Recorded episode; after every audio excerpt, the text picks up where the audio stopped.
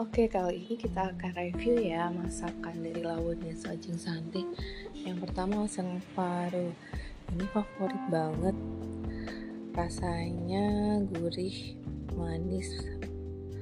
Pokoknya pas banget kalau dimakan bersama nasi putih. Apalagi nasinya hangat-hangat gitu. Halo, oke kali ini kita akan review ya masakan dari lautnya Sajing Santi. Yang pertama langsung paru. Ini favorit banget. Rasanya gurih, manis. Pokoknya pas banget kalau dimakan bersama nasi putih. Apalagi nasinya hangat-hangat gitu.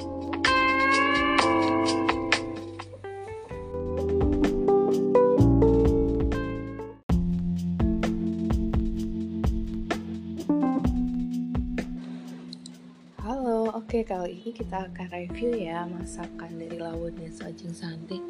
Yang pertama langsung paru. Ini favorit banget. Rasanya gurih, manis. Pokoknya pas banget kalau dimakan bersama nasi putih.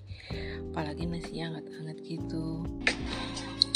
Halo, oke kali ini kita akan review ya masakan dari lautnya Sajing Santi.